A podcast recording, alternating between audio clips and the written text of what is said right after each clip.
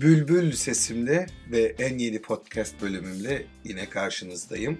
Merak etmeyin şarkı söylemeyeceğim şimdilik. Şimdi uzun süredir düşündüğüm, planladığım, hayata geçiremediğim yeni bir seri başlatmak istiyorum.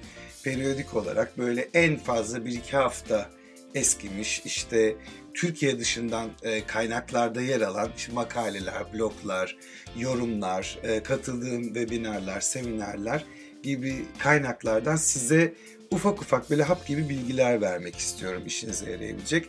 Umarım gerçekten dediğim gibi işinize yarar. Aynı zamanda keyif de alırsınız. Arada da böyle naçizane kendi yorumlarımı ileteceğim e, bir e, podcast olacak bu. Hemen e, birkaç toparladığım makaleden bu hafta People Management daha ağırlıklı oldu. Oralardan size kısa kısa bilgiler aktaracağım yorumlarımla birlikte. Ayrıca tüm bu makalelere, orijinallerine de yayınladığım kanalların metin kısmındaki linklerden ulaşabilirsiniz. Maggie Beska kaleme almış ve demiş ki e, güçlü insan kaynakları uygulamaları işletmelerin Covid'den sonra hayatta kalmasına yardımcı olacak başlıklı makalesinde aslında Warwick Business School'un yaptığı kapsamlı bir araştırmayı anlatmış. E, ve diyor ki bu şey yazıda özetle kapsamlı İK yönetimi uygulamaları ve güçlü sendika ilişkileri geliştirmiş şirketler koronavirüs krizinin ardından yaşanan durgunluktan en iyi şekilde kurtulacak. O kadar çok duymaya başladım ki bunu yani daha doğrusu bu organizasyonel psikoloji, psikolo, psikoloji eğitimi ya da sosyoloji eğitimi almış olanlar ya da master'ını bunun üzerine yapmış olan İK'cılar çok iyi bilir. Organizasyonel psikoloji sürekli aslında biraz uzmanlaşmış İK'cıların diline pelesenk olmuş bir kavram, kelime grubu. Ama gerçekten Covid sonrasında bu çok daha önemli bir hal aldı. Yani yetenek kazanımı, istenen yeteneklerin içeriye çekilmesinden öte o yeteneği al içeri at çalışsın olmuyor. E, yetenek yönetimi kısmında, çalışan deneyimi kısmında da insan kaynakları ve yönetim ekiplerinin çok fazla işi var. Dolayısıyla Covid'den sonra bu çalışan deneyimini iyi yaşatan firmaların ömrü bana göre de daha uzun olacak gibi geliyor. Şimdi bu demin söylediğimiz ve tahminimce hanım olan arkadaşımız evet ismi Maggie. Maggie e, diyor ki bu çalışma bu arada araştırma e, Journal of Human Resource Management'ta yayınlanmış. Yöneticilerin personel ile yaptığı görünmez, yazılı olmayan sözleşmelerin zor ekonomik zamanlarda iş yeri performansı üzerinde büyük bir etkisi olduğunu öne sürüyor diyor araştırma. E, ve aynı zamanda e, Warwick Business School'da strateji ve davranış bilimi doçenti olan Doktor Hössam Zeytun sanırım Türkçe'ye tam çevirirsek ismi e, Hüsam Zeytin oluyor. Muhtemelen öyle bir şey. İsim önemli değil ama değerli bir abimiz olduğu belli. Diyor ki bulguların krizden önce güçlü İK yönetimi ve istihdam uygulamalarına sahip şirketlerin zor zamanları atlatmak için bir araya gelme olasılığının daha yüksek olduğunu gösterdiğini söylüyor. Yani zaten bu böyle hadi biz çalışan deneyimini mükemmel hale getirelim. Ha bir de Covid var bunu da fırsata çevirelim şekline değil. Bunların tohumları seneler önce atılıyor. Bunların hepsi kültürel değişimler ve öyle hadi yarın çalışan deneyimini maksimuma çıkartıyoruz arkadaşlar deyip projeye başlayıp başarılı olmuyorsun bu tür durumlarda. Dolayısıyla bu çalışmaları daha önceden yapmaya başlamış olan firmalar bu açıdan avantajlı gözüküyor. Ama Covid'de iyi bir e, zaman çünkü bir de uzaktan çalışma yöntemleri şunlar girdi, birebir etkileşimler azaldı. Çalışan deneyimini uzaktan yaşatmak aslında İK ve e, yönetim ekiplerinin işini biraz daha e, zorlaştırdı. Şimdi tabii mesela Birleşik Krallık'ta ciddi bir lockdown, kilitlenme mi denir? Hani şey karantina dönemi başladı. Hem yurt içi hem de e, uluslararası ulaşımlarda. İşte Ağustos ayı bunun en yüksek olduğu kısım. Ben o sıralar Türkiye'deydim ama sıklıkla haberlerini alıyordum. Bu da Birleşik Krallık ekonomisinde rekor seviyede bir e, resesyona sebep oldu. %20.4 bir küçülme var mesela ekonomide yılın ilk 3 ayına göre. Aslında bütün dünyada 2. Dünya Savaşı'ndan bu yana en kötü küresel durgunluğunu yaşadı. Zeytin oğlu Zeytin diyor ki e, dış şoklar e, iş yerinin e, durgunluk gibi vurduğunda yöneticiler ücretleri azaltarak işi yoğunlaştırarak veya işten çıkarma yaparak maliyetleri düşürme ve bu e, sözdeki sözel sözleşmeleri ihlal etme baskısı altındadır diyor. Çok doğru. Ne olur bir şirkette e, tepeden hadi masrafları kısın dendiğinde benim şimdiye kadar gördüğüm 18 senelik deneyimimde ya personel masraflarından kısılır bu da işten çıkarma anlamına gelir ya da ajans masraflarından yani üçüncü şahıs, üçüncü parti kullandığınız outsource masraflarını kısmakla başlarsınız. Dolayısıyla aslında bence personel masrafını kısmak kısa vadede en kolay yöntem en konforlu yöntem ama uzun vadede gerçekten çok zararı var. O, o insanlara yaptığınız o kadar yatırım, e, işte işe alım maliyetleri, şunlar bunlar sadece maliyet olarak baktığınızda bile çok büyük bir zarar var. İşveren markası tarafından yani o kişilerin sistem dışına gittiğinde sizin hakkınızda söyleyecekleri konusuna hiç girmiyorum bile. E, ve Zeytin araştırmadaki yazıyla ilgili kısmını şöyle bitiriyor kapsamlı İK uygulamalarına sahip olunması gerekiyor ve mavi yaka kısmında da e, sendikalarla e, müzakere yapılması e, bu tür işte e, çalışan yönetici yönetim şirket ilişkilerini aza indirmede faydalı olacağını söylüyor. Gelelim hemen bir sonraki makalemize. Shakil Bat yine People Management'da İK nedir ve ne olmalı diyor. Ah ah sabahlara kadar konuşacağımız bir konu herhalde. Şimdi herkesin İK ile ilgili bir fikri var değil mi? Tamam bakın arkadaşlar. Gerçekten beyin ameliyatı yapmıyoruz. Kuantum fiziği işletmiyoruz. Yani çoğu kişinin gerçekten beşeri becerileri, analitik bilgileri, işte biraz know-how'ı olan herkesin bir yerden başlayabileceği bir kariyer ama herkesin İK konusunda daha doğrusu İK'nın nasıl olması gerektiği ya da ne yapması gerektiği konusunda bilgisi olur. Çevir sokaktaki serzevatçı onun bile bir fikri vardır yani insan kaynaklarına yapılması gerektiği konusunda. Bir de yazıda da Şakilbat çok güzel demiş. Yani muhasebeciyken ne yapmam, ne yaptığımı anlatmak zorunda hissetmiyordum insanlar ama insan kaynaklarında bu gerekliliği hissetmiş. Gerçekten ben de öyle. Belki işte 90'larda gelişen bu insan kaynakları kavramında bir hata var. Belki de çok daha farklı bir isme dönüşmesi gerekiyordu ama tanımlara pek takılmayalım. Doğru bir finansçı, pazarlamacı, bir satışçı ki görevi olmasına rağmen gidip İK onlara ne yapması gerektiğini söylemez.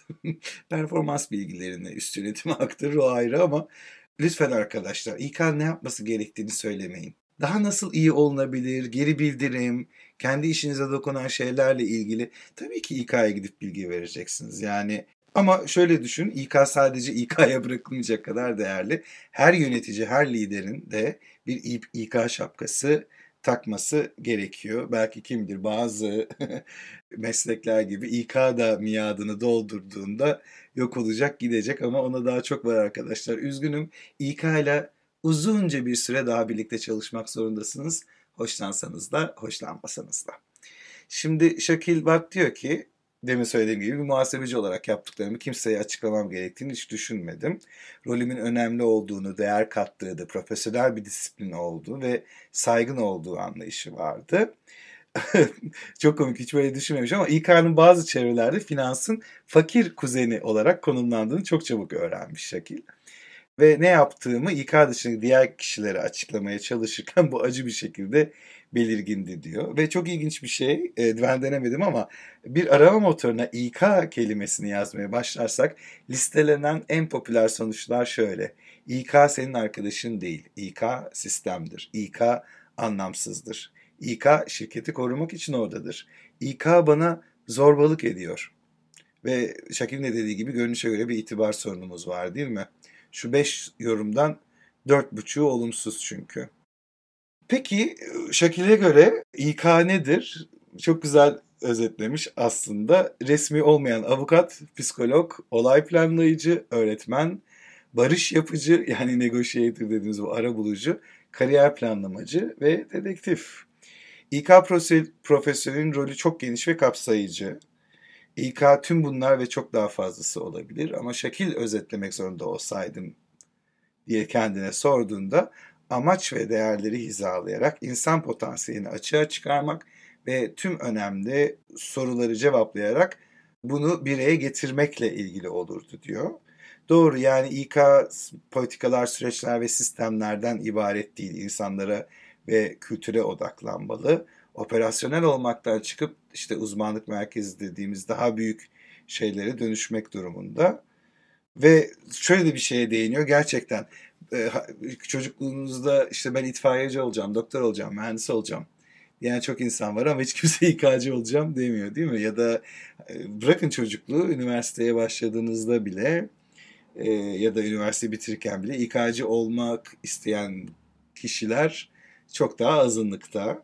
E, dolayısıyla çoğu farklı meslekten İK'ya bir şekilde sürüklenmiş insanlar var. Buna ben de dahilim. Ama Şakir'in yazısını bitirdiği gibi asla arkama bakmadım diyor. Ben de 2007'den beri İK'cı olmaktan since 2007 hiç bir zaman pişman olmadım. İyi ki de bu kariyeri seçtim. İyi ki de devam ediyorum. Sevilsek de sevilmesek de. Gelelim bu hafta size bahsedeceğim son makaleye. BBC'nin genel müdürü Tim Davie geçtiğimiz haftalarda sansasyonel bir açıklama yaptı. Dedi ki personelin yanlış tweetlediği durumlarda hesaplarını askıya alabiliriz, disiplin cezası verebiliriz ya da işten çıkarabiliriz dedi. Şok şok şok. Şimdi zaten Türkiye'de e, benim de şahit olduğum sosyal medyanın yanlış kullanımından dolayı bırakın hani hesap askıya almak falan. O hesap askıya almakta nasıl oluyor bilmiyorum ama birazdan daha çok gireceğim. Direkt işten çıkarmalara maalesef e, rast geldim. Hatta bazen referans kontrolüyle beraber her ne kadar doğru olup olmadığı tartışılsa da sosyal medya kontrolü de yapıyorduk.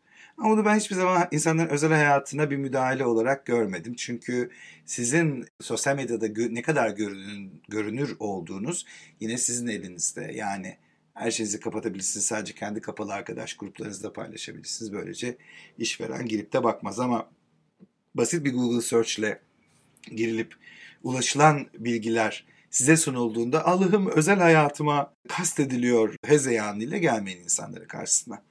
Bunun e, ayarını siz yapabilecek durumdasınız.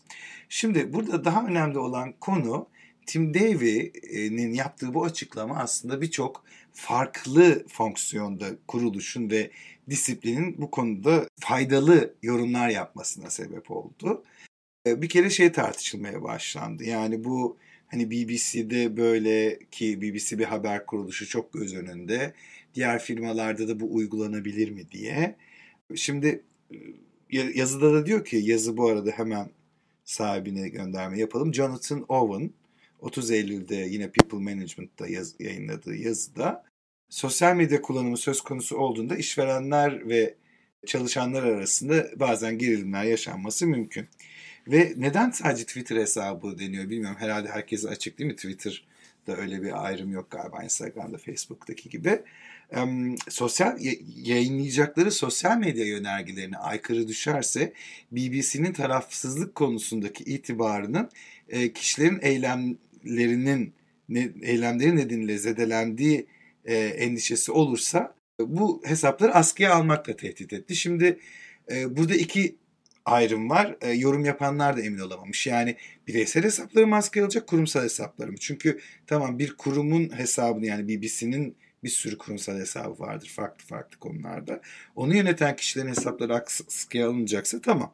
Ama bireysel hesapları askıya almak eski bir İngiliz forveti yorum yapmış birazdan da söyleyeceğim. Hani Twitter accountlarının silinmesi sadece Twitter'a aittir diye böyle bir gücü olduğunu zannetmiyorum yani sosyal medya yasalarına göre e, sahibi değilsen o sosyal medyanın bir hesabı askıya almazsın. En fazla bununla ilgili e, iletişim kurarsın diyebiliyorum. Şimdi Tim Davie'nin e, yaptığı aslında bu kurumsal itibar tarafında doğru gibi geldi bana. Yani şey diyor ama bakın kardeşim bundan sonra kurallar bunlar bunlar bunlar yayınlayacağız ve o, o yönergelerin yayınlandığı tarihten önceki herhangi bir şey konusunda çalışana bir şey yaparsa evet o haksızlık ama yönergeler yayınlandıktan ve iletişim kurulduktan sonra bence e, yapılabilir. Yani en azından diyor ki kardeşim benim kurallarım bunlar. Yani şey oynamıyor, bel altı oynamıyor. Kabul edersin, etmezsin.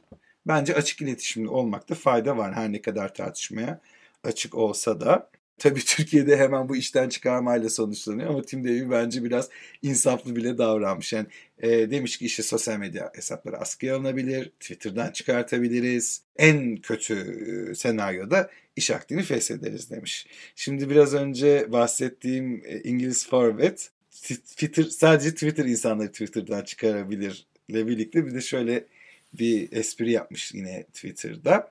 Demiş ki sanırım anladım. Ee, BBC ile çalışan en fazla maksimum 6 kişi e, bir bardan tweet atabilir. Şimdi e, dışarıdan komik gelmeyebilir ama bu 6 kişi kuralı İngiltere'de bu lockdown döneminde çok e, sabitleşmiş bu kural. Yani 6 kişiden fazla bir yerde bir araya gelemiyorsun. Toplan yani fiziksel toplantıları 6 kişiden fazla yapamıyorsun. Restoranlara 6 kişiden fazla şeyi kabul etmiyor, rezervasyonları kabul etmiyor gibi. Öyle de bir şaka yapmış abimiz. Bateswell diye bir firma va- firma var. Orta Lucy e, McLean demiş ki hem yüksek profili olan hem de tarafsızlığıyla gurur duyan BBC gibi bir kuruluşun itibarına ilişkin riskler diğer birçok işverenden daha belirgindir. Haklı, doğru, çok önde bilinen köklü bir firma ve bazen tabii ki sosyal medyadaki çalışan davranışlarının itibarlarına zarar vermesi e, olası. Black Solicitors'ta ortak olan Paul Kelly, bu bir avukatlık firması. Ben de Solicitor'ın İngiltere'ye gelene kadar ne anlam geldiğini bilmiyordum. Hukuk, hukuk firması yani. Herhangi, diyor ki herhangi bir işveren e, sosyal medyanın iş içinde veya dışında ka- kabul edilebilir kullanımını ve bu tür kuralları ihlal, ihlal etmenin sonuçlarını düzenleyen kurul, kuralları uygulayabilir ve koymalıdır diyor. Aslında yorum yapmamış olanı söylemiş. Yani teoride bu kuralları koyabilir işveren ve kimse de hiçbir şey diyemez diyor. Peki uygulanabilir olması için bu kuralların iş sözleşmelerine dahil edilmesi gerekiyor mu demiş. Burada da Charles Russell Speechless'in ortağı Nick Hurley demiş ki hayır tam tersi. Ama or, burada hali hazırdaki sözleşmeyi değiştiremezsin demiş. Bir de burada şey handbook diye bir kavram çok var arkadaşlar. Şey yani burada sözleşmen olmasa bile e, iş yasasının temel şartlarına tabisin. Yani bir yerde çalışıyorsan illa sözleşmenin olması gerekli değil. Yine e, iş yasaları, iş kanunu gereğince koruma altındasın. Ama bir de handbook denilen daha genel böyle işte şirketlerin çalışan politika prosedürleri ve kurallarını içeren böyle küçük küçük gerçekten el kitapları olabiliyor. Onlar da neredeyse sözleşme kadar güçlü değil. Ama sıralamak gerekirse iş, e, iş kanunu, iş sözleşmesi, handbook. Aslında ilk iki adım şeye benziyor değil mi? Yani sözleşme Türkiye'de de öyle. Sözleşme ne, neyi yazıyorsa yazsın. İş kanunu ters düşen bir durum varsa mahkemeler iş kanunundaki maddeleri kabul eder. Yani diyor ki bir sözleşmenin parçası olamaz ama handbook'ta yer alabilir diyor Nick Hurley. Yani önemli olan kuralların şirket politikasında açıkça belirtilmesi. Peki işverenler bu önemli. İşverenler çalışanların sosyal medya hesaplarını askıya alma gücüne sahip mi? Yine aynı kişi diyor ki çalışan işverene ait bir hesap aracılığıyla e, ve iş amacıyla tweet atıyorsa o zaman bu çalışanın erişimini kaldırabileceği ve hesabı silebileceği anlamına geliyor diyor. Ancak hesap çalışanın sahip olduğu kişisel bir hesapsa benim de deminki işlettiğim mantığa göre işverenin çalışanın yayınladığı bir içeriği kısıtlamakla ilgili yapabileceği çok az şey vardır diyor. Doğru yani e, Twitter kanunlarına uygun değilse Twitter'a rapor edebilir en fazla. Onun dışında tabii şey de oluyor. Bu internet iş zamanlarını mı kullanıyor, iş araçlarını e, kullanarak mı yani işin e, işin interneti, bilgisayarı, telefonu kullanarak mı? Bunlar da hep işverenin yakalayabileceği noktalar. Ama özel hesaplarda ben çok şey yapmıyorum. Yani bir uyarı gidebilir. Çünkü sonuçta sen o şirketin temsilcisisin. Senin kişisel fikrin maalesef kurumsal hayatta böyle kişisel fikrin e, belli özgürlükler çerçevesinde var. E, dolayısıyla BBC'nin itibarını korumak istemesi bana çok çok ters gelmedi açıkçası. Bir de son bir e, soru var. Çalışanların çevrim içi ortamlarda kendi fikirlerini dile getirmelerine ne ölçüde izin verilmektedir? E, biraz önce söylediğimle de aslında uyuşuyor. Meklin'e göre başa, başlangıç noktası çalışanların kişisel olarak istediklerini söyleyebilmeleri diyor. Ancak bir çalışan işverene zarar veren bir görüş bildirirse iş ve, ve işveren bu konudaki beklentilerini önceden bildirmişse e, bu işverenin harekete geçebileceği bir şey olabilir diyor. Yani demin söylediğim konu aslında. Tamam çalışan iletişim yapmakta özgür ama işverenin itibarına zarar vermediği sürece ayrıca işveren bu konudaki beklentilerini işte bu bildirgelerle, yönergelerle bildirdiyse hele ve buna göre buna rağmen ters bir iletişim yapılıyorsa işveren harekete geçebilir diyor. Bu haftalık bu kadar. Teşekkür ederim dinlediğiniz için. Tekrar görüşmek üzere. Umarım faydalı olmuştur. Sevgiler.